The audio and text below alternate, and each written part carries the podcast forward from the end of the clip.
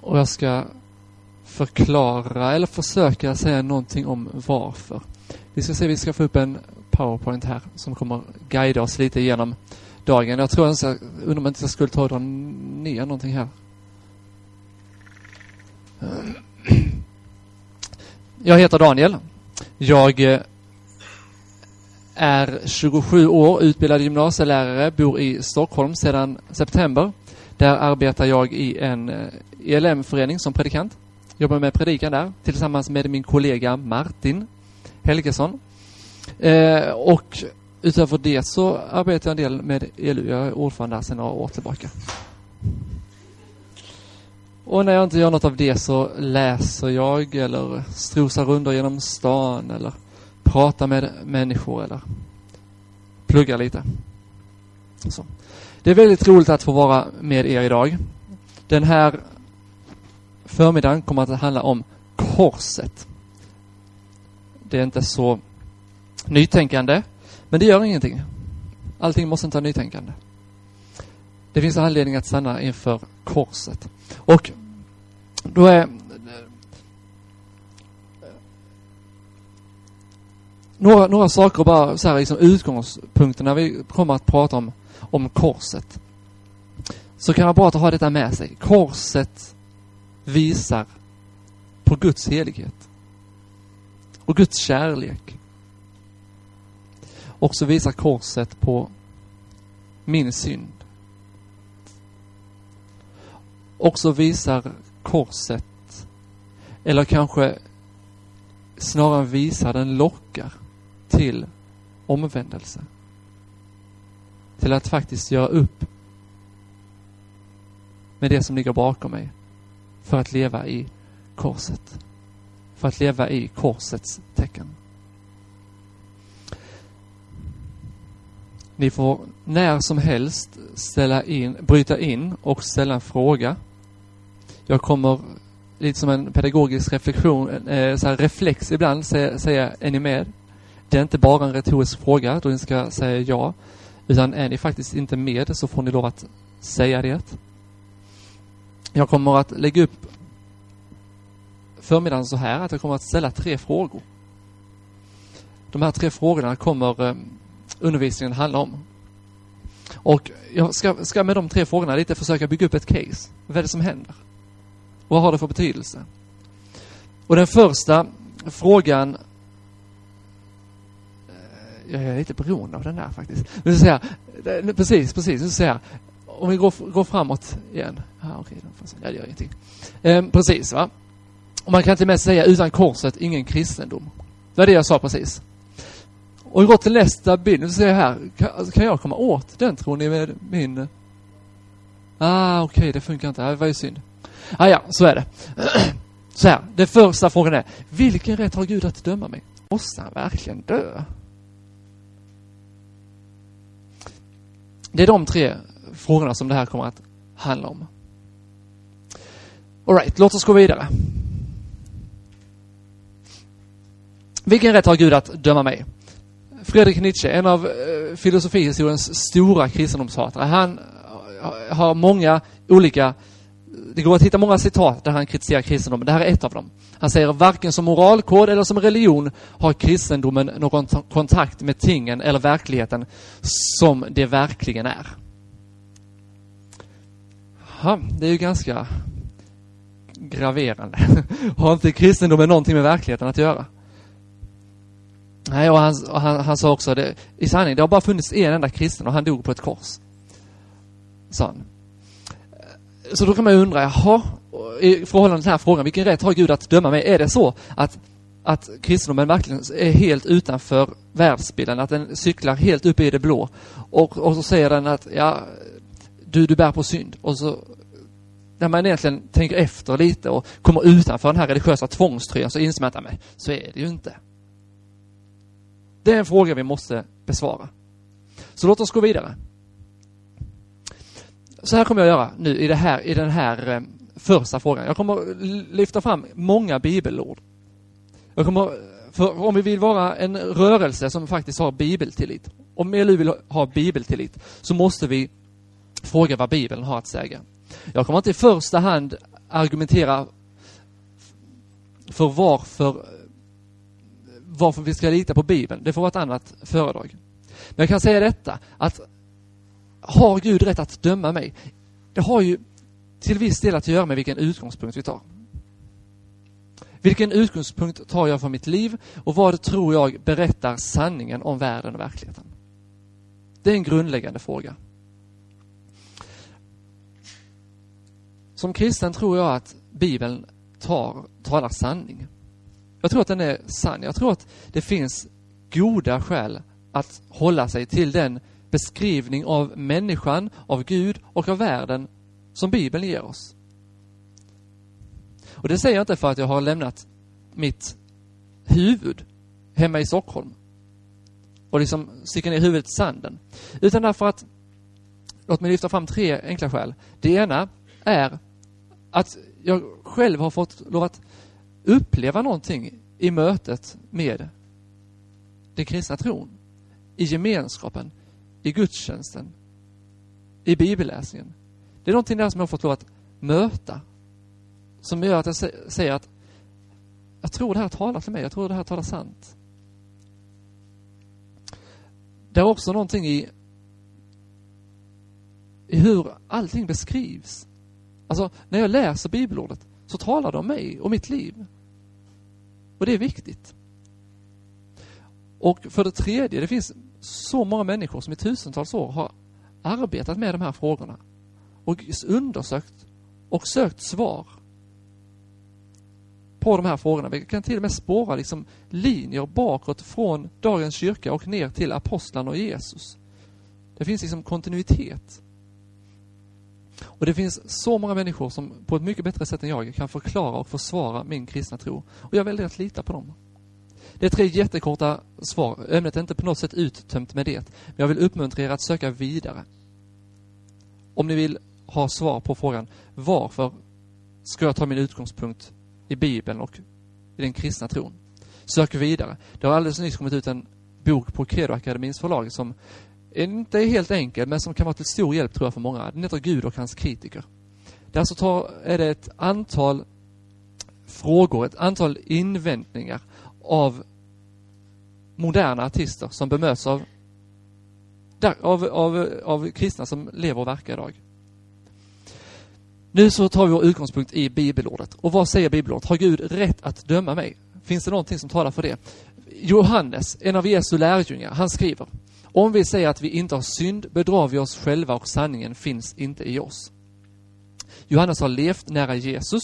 Han har gått tillsammans med honom. Och han skriver ett brev ett halvt sekel ungefär efter att Jesus har dött, skriver han till sina vänner och så förklarar han detta. Om vi säger att vi utan synd bedrar vi oss själva. Vi kan gå vidare. Saltaren där finns också många vittnesbörd om människans tillstånd och människans situation inför Gud. Här är två. Till dig kommer alla människor för att bekänna sina synder. Och om du la synder på minnet, Herre, vem kunde då bestå? Det är en djup erfarenhet i hela mänsklighetens historia. Oavsett vilken religion du tillhör eller inte tillhör. Att det är saker i livet som går snett. Det är saker i livet som går sönder. Och utifrån Bibelns världsbild så är det alldeles uppenbart att det faktiskt finns saker som jag utsätts för och som jag medverkar till som faktiskt är galna. Fel. Och här så finns ett tydligt perspektiv på dom också. Alltså människor kommer man för att bekänna till Gud, för att lägga av sig. För Gud är det man går till för att få befrielse. Vi kan gå vidare. Här är ett centralt bibelord. Just det, ja. Ty så älskade Gud världen att han utgav sin enfödde son för att den som tror på honom inte ska gå förlorad utan ha evigt liv. Inte sände Gud sin son till världen för att döma världen, utan för att världen skulle bli frälst genom honom. Den som tror på honom blir inte dömd, men den som inte tror är redan dömd eftersom han inte tror på Guds enfödde sons namn. Och detta är domen. Ljuset kom till världen och människorna älskade mörkret och inte ljuset eftersom deras gärningar var onda. Står det sen. Här får vi veta två saker. Eller kanske fler, men jag lyfter fram två. Det ena handlar om Guds helighet och det andra handlar om Guds kärlek. Och det är så viktigt för oss att vi håller de två i huvudet samtidigt.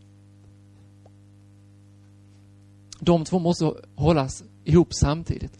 Vi märker här, inte sände Gud sin son, alltså Jesus, till världen för att döma världen, utan för att världen skulle bli frälst genom honom.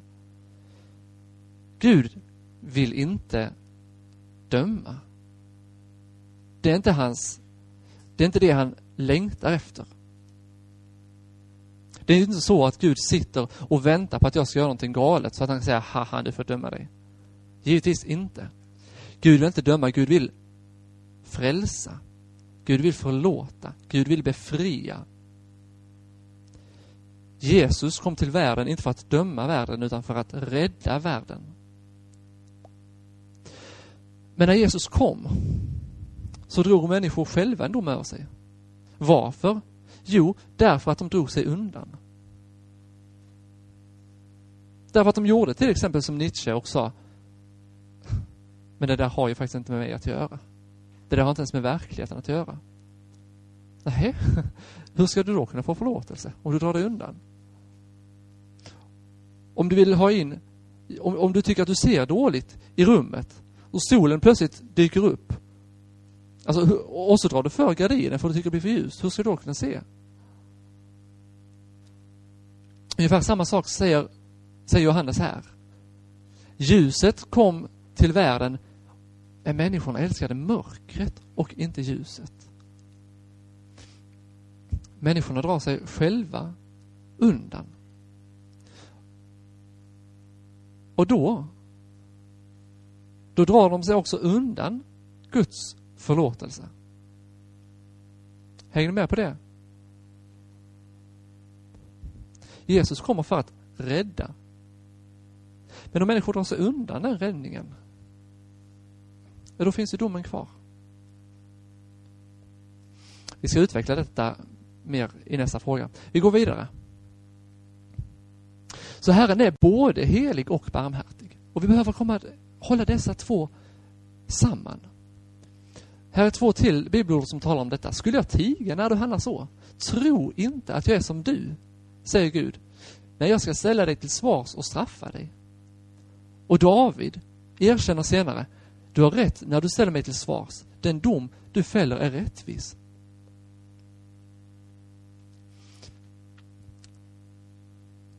Gud är alltings skapare och uppehållare.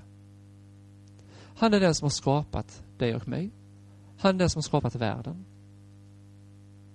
Han är den som gett mig livet. Han är liksom normen. Han är gränsen för vad, mellan vad som är gott och vad som är ont. Och återigen, det här kommer också att utvecklas längre fram. Men vi behöver ändå ha det med oss. I min världsbild, i den kristna tron, så finns det faktiskt gränser för vad som är, för vad som är gott och för vad som är ont.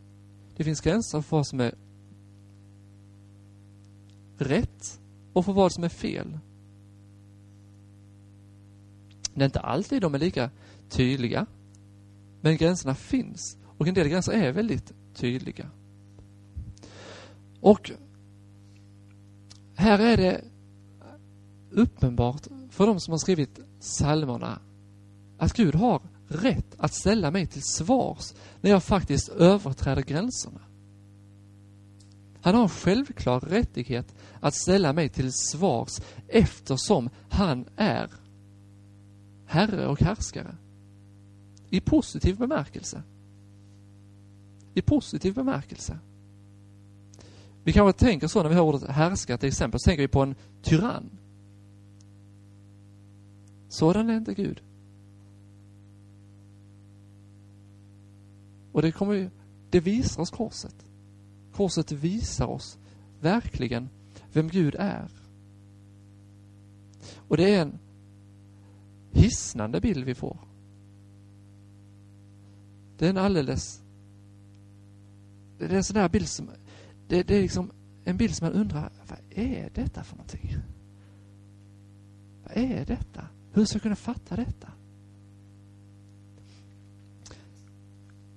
Vi ska förstå Gud som Herre, som en god Herre. Som någon som faktiskt älskar och går före med kärlek. Och som sagt, det visar korset. När ska vi ta den första pausen? Ungefär? Runt, runt kvart i. Ja, men då går vi vidare. Precis, det här är återigen för att bara betona det här. Gud är både helig och kärleksfull. Han är både rättvis och full av kärlek. Herren gick förbi Mose där han stod och Gud ropade Herren, Herren, en barmhärtig och nådig Gud, sen till vrede och stor i nåd och sanning, som bevarar nåd mot tusenden och förlåter överträdelses synd och skuld, men som inte låter någon bli ostraffad, utan låter straffet för fädernas missgärning drabba barnen och barnbarnen till tredje och fjärde släktledet. Så beskriver Gud sig själv när han presenterar sig för Mose. Han är barmhärtig och nådig. Han bevarar nåd i tusenden, alltså i tusen släktled vill Gud visa kärlek. Och samtidigt kan han inte se mellan fingrarna på att människor faktiskt träder över gränser han har satt upp. Men notera detta. Han bevarar nåd mot tusenden och förlåter överträdelse men låter straff och fäderns missgärning drabba barn och barnbarn i tredje och fjärde släktled. Alltså ni vet, 1, 2, 3, 4. Det går lätt att räkna. Men skulle jag fortsatt räkna till tusen hade jag fått hålla på fram till lunch. Alltså, Guds kärlek är så oändligt stor. Och samtidigt, eftersom han är så full av kärlek, kan han samtidigt inte bara se mellan fingrar på det som är destruktivt. Låt oss fortsätta. Okej, okay, då är ju frågan så här. Så, så okej, okay, nu har vi lite lagt, ni, ni behöver inte läsa det här ännu. Nu har vi lite lagt grunden. Nu har jag lite lagt grunden här. Vi har tittat lite på vad säger Bibeln egentligen? Har, utifrån Bibelns sätt att se det, finns det synd? Och har Gud rätt att döma? Ja, och jag har argumenterat för att ja, Bibeln är alldeles tydlig. Varje människa har faktiskt synd. Och det är en fråga om ärlighet. Som, som Johannes sa. Om vi säger att vi är utan synd bedrar vi oss själva och sanningen finns inte i oss. Alltså om jag säger, ah, fast det där med synd och att jag har fel, har faktiskt inte med mig att göra. Då ljuger jag för mig själv. Då lurar jag mig själv. Okej, okay. och Gud har rätt att döma enligt Bibeln. Ha, men då är det ändå, alltså hur illa är det egentligen? Kai Pollak, han gjorde filmen Så som i himlen. Och i den filmen så en, en väldigt så här, en scen som verkligen sätter sig i huvudet. Det är när, den handlar om en präst bland annat. Det är flera olika personer, bland annat en präst. Och så vid ett tillfälle så kommer hans fru in till honom och bara, det har blivit en fight mellan dem. Och han, sådär. Och hon bara skakar om, jag tror det är bordet och, och säger hon, fattar du inte, det finns ingen synd. Otroligt frustrerad är hon. Och Kai Pollak han sa i en intervju för några år sedan i Svenska Dagbladet, jag insåg plötsligt att jag var lurad. Att jag inte skulle duga är ju bullshit. När man totalt börjar förstå hur illa man tänkt om sig själv blir det en ren omvändelse. Man lättar från marken. Och det här talar man om i ett sammanhang där han hade liksom funnits i kristen förkunnelse och fått höra hur usel han var. Jaha, och då är ju frågan, jaha. Är det så? Är det så att vad vi kristna gör, att jag har ju redan pratat en del om synd. Alltså är det vi gör, är det att bara säga till människor, du är så kass. Du är så dålig. Visste du inte det? Vad ska man med dig till? Är det det vi säger? För det verkar ju Kaj Pollak säga. Och jag tror att man märker det ganska ofta. Jag vet inte om ni känner igen det från samtal med era kompisar eller från andra tv-program eller sådär där man, där man är väldigt kristendomsfientlig. Men jag tycker att det är ganska vanligt återkommande. Kristna, de bara trycker ner. Och talar om hur dåliga vi är och uppehåller sig allt som är dåligt i världen. Det är, en, det är en allvarlig invändning och det är en viktig invändning. Stämmer det överens med den bild av människan och av Gud som Bibeln ger? Vi går vidare. Vad är synd för någonting? Låt oss bara vara lite teoretiska. Jag vill ge er de fem ord som används för synd i Nya Testamentet. Och det här har jag inte kommit på själv, för jag kan inte grekiska. Utan jag har tagit det från en man som är mycket bättre lämpad än jag att reda ut sånt här. Och han heter John Stott. Och han har skrivit en sån här bok som är helt fantastiskt bra. Den heter Korset, meningen med Jesu död. Den är inte helt enkel, men den är väldigt bra. Han lyfter fram fem ord. Och jag ska läsa dem och sen ska jag kort förklara dem. Det första heter är hamartia. Det betyder att missa målet eller att skjuta vid sidan om. Det andra ordet är adikia, orättfärdighet. Poneria betyder depraverad ondska, alltså urgröpt ondska, djupgående ondska. Parabasis handlar om att överträda en angiven gräns och anomia handlar om laglöshet eller att visa förakt för eller bryta en känd lag. Så låt oss börja med nummer ett till tre. De handlar om karaktären.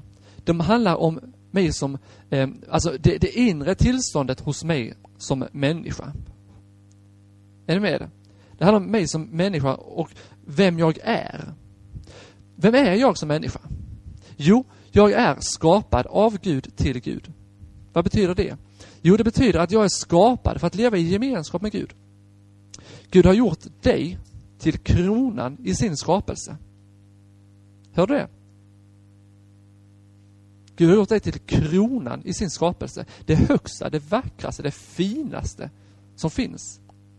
Gud håller inte djuren ansvariga för sin synd. Åtminstone inte vad jag vet. Men han håller människan ansvarig. Därför att människan är skapad till Guds avbild. Du är skapad för att motta Guds nåd. För att få del av Guds liv. Att ta emot Guds helige Ande i ditt liv. Och bli lik honom. Bli genomströmmad av Gud i den bemärkelsen och återspegla honom. Det är inte en, lit, det är inte en låg syn på människan. Det är en oerhört hög syn på människan. Mycket högre än vad du kan hitta inom alla andra religioner skulle jag nog säga.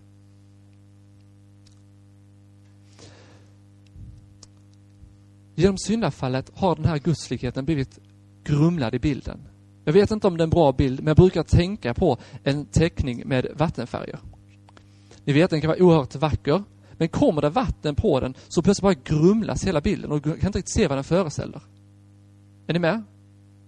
Något sånt är det som har hänt med människan efter att synden gjorde sitt inträde i världen. Jag har totalt missat målet med min mänsklighet. Det är det jag gör när jag begår synd.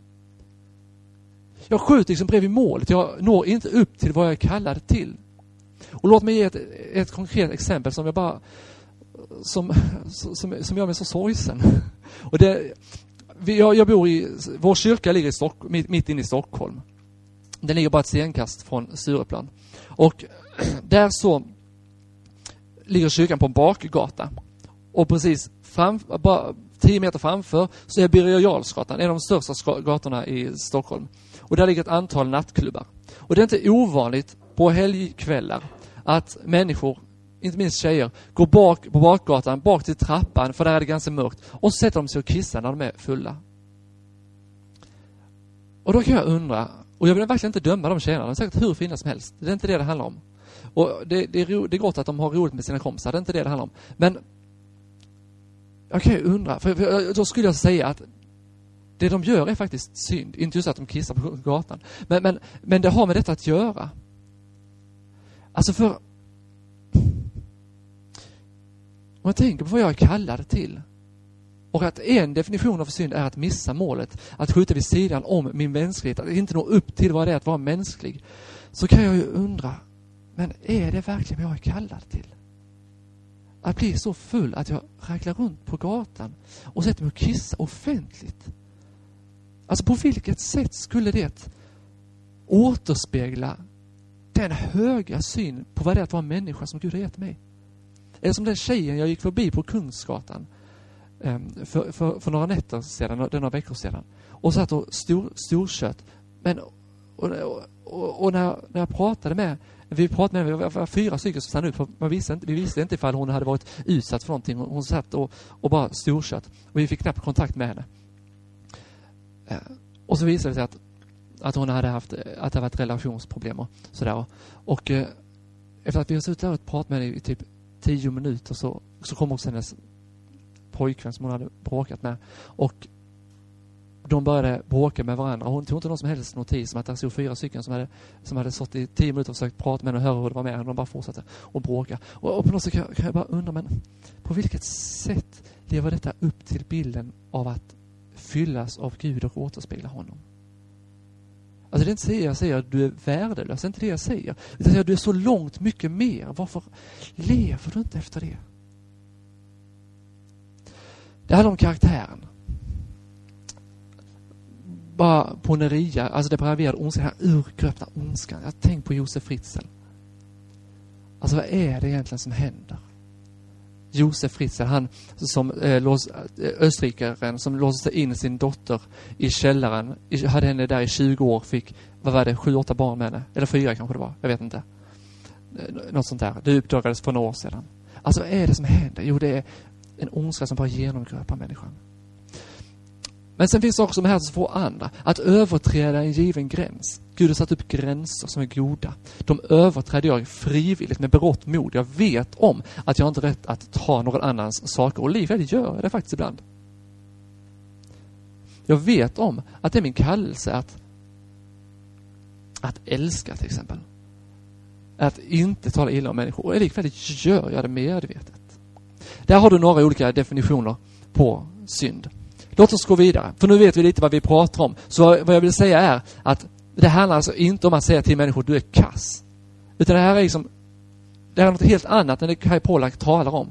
Det handlar om att se högt på människan och se att jag själv faktiskt inte lever upp till detta. Jag vill inte ens leva upp till detta. Och det finns också gränser som jag känner till. Du behöver inte ha Bibeln för att veta om att du inte ska slå en annan människa. Faktiskt. Det säger sig självt. Alltså, jag går inte fram och slår till Andreas. Alltså, varför skulle jag göra det? Och likväl gör vi det. Kanske inte just vi, men människor gör det ofta. Låt oss gå vidare. För, det försvann en massa bilder? Ja, vi väntar lite. Har ni några frågor på det här än så länge? Ja, ställ den.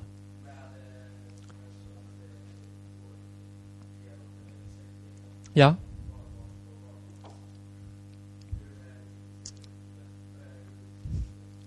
Ja, det är en bra fråga. Nej, precis. Nej, precis. Det är en bra fråga.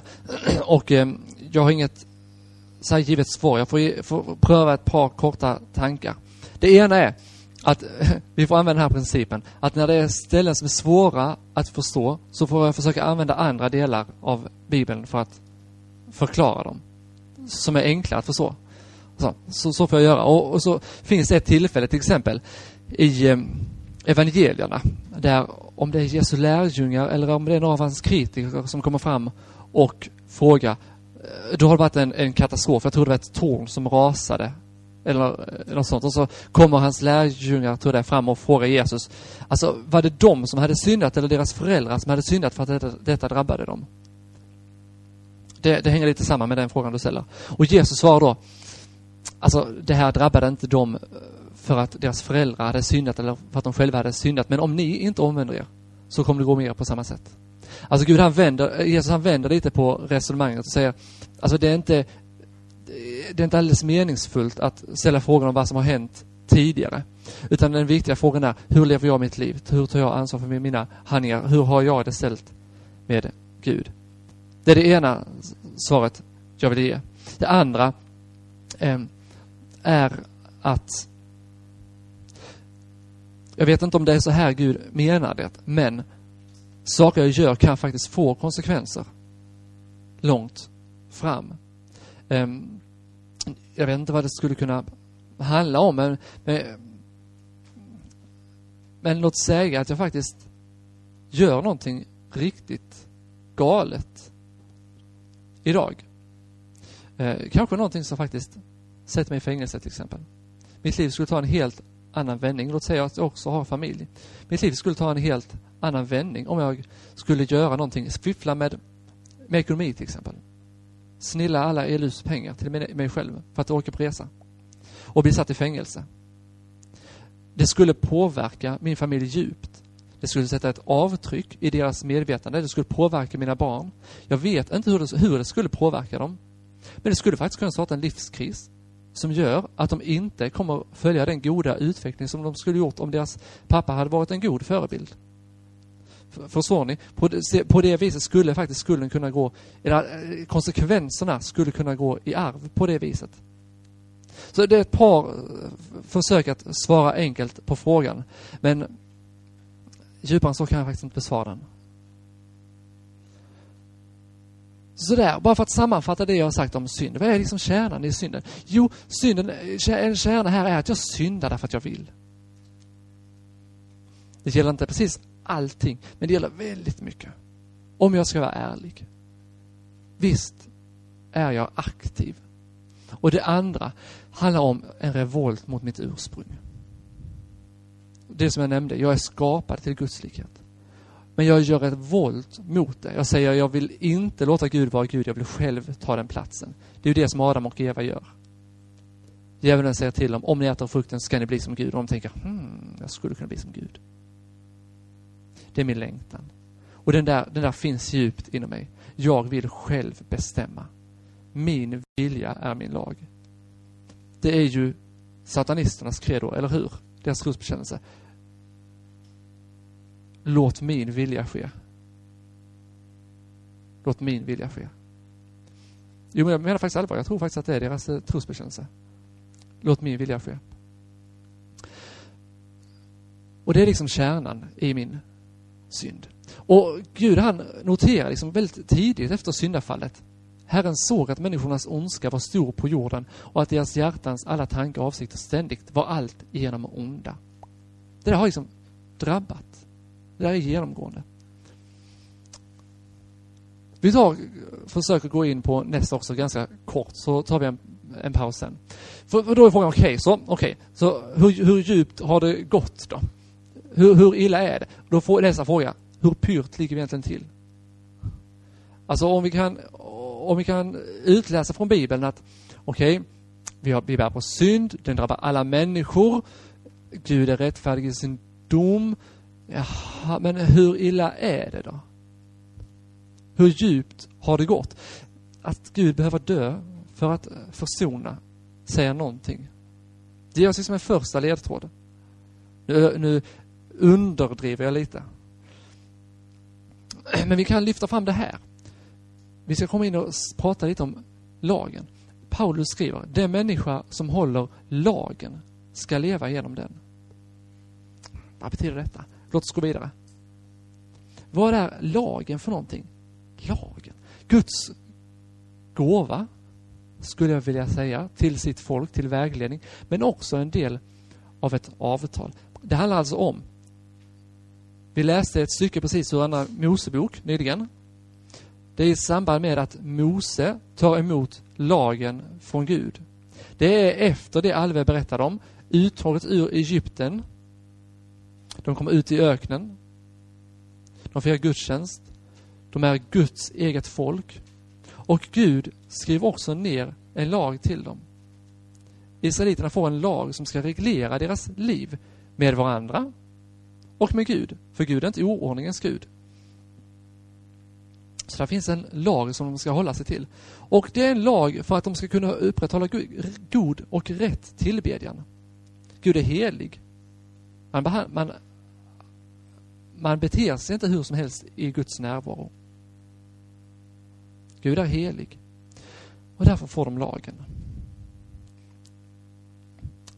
Lagen är inte bara som en morallag. Det är inte så här bara, gör detta, gör detta, gör inte detta. Det är inte så att lagen är ond att lagen är någonting dåligt. Det är inte så att lagen är djävulens verktyg. Det är inte så att djävulen har skapat lagen och kastat den på människan. Vi kommer att utveckla detta.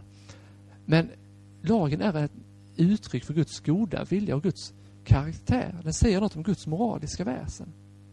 Alltså när Gud skriver ner sin lag, till exempel de tio budorden, så är det inte så att djävulen har ett finger med i spelet, liksom, för han tänkte att han skulle sätta dit människorna. Och inte är det så att Gud gör det för att han tänkte att han skulle sätta dit människorna. Nej, den säger någonting om vem Gud är. Den säger någonting om vem Gud är. Låt oss ha någon bild till, sen tar vi paus. Och så här talar Gud till folket. När Mose har föreläst lagen för dem, så säger Gud så här. Se, jag förelägger er idag välsignelse och förbannelse. Välsignelse om ni lyssnar till Herrens, er Guds bud, som jag idag ger er. Och förbannelse om ni inte lyssnar till Herrens, er Guds bud, utan viker av ifrån den väg jag idag befaller er gå och följer andra gudar som ni inte känner. Så här är det väldigt tydligt. Israeliterna har fått Guds lag. De vet vad som gäller. Spelreglerna är klara. Och de har sagt ja, det här vill vi följa. Och Gud säger väldigt tydligt genom Mose, här finns två vägar. En väg bär till liv och välsignelse. En väg bär till död och förbannelse. Livet och välsignelsens väg, det är att hålla de bud jag ger er. För de är goda. Och lagen i sin sammanfattning, säger Jesus, det är ju att älska Gud över allting och min nästa som mig själv. Det är lagen i dess sammanfattning. Det är livets väg. Gör det så ska du leva och få välsignelse. Men om du inte gör det, om du bryter avtalet, då kommer också död och förbannelse över dig. Det är rätt hårda ord. Men återigen, det säger någonting om vem Gud är. Det säger någonting om vem Gud är. Och så ofta märker jag att jag tar fel utgångspunkt. Jag tar fel utgångspunkt. Jag tänker så här, jag läser detta och tänker, men förbannelse! Alltså, hur kan du säga så? Det är väl ändå att ta i. Och så plötsligt står det mig, men vänta nu här, jag tror att Gud finns, jag tror att Gud fanns före mig, jag tror att Gud har skapat mig. Då är inte frågan, hur kan du säga så? Utan, gäller detta mig? Förstår ni de olika perspektiven? Det är, jag kan ta utgångspunkten och säga, men Gud, hur kan du säga så här i Bibeln? Men då sätter jag mig över Bibeln, eller hur? Då sätter jag mig till norm och säger, men det här verkar ju inte riktigt stämma med min uppfattning om vad som är gott och rätt. Är det verkligen den bästa utgångspunkten? Om jag ska vara helt ärlig. Istället för jag lov att gå in under Bibeln och säga, oj, är det det du säger? Den kan vi suga på medan vi tar paus.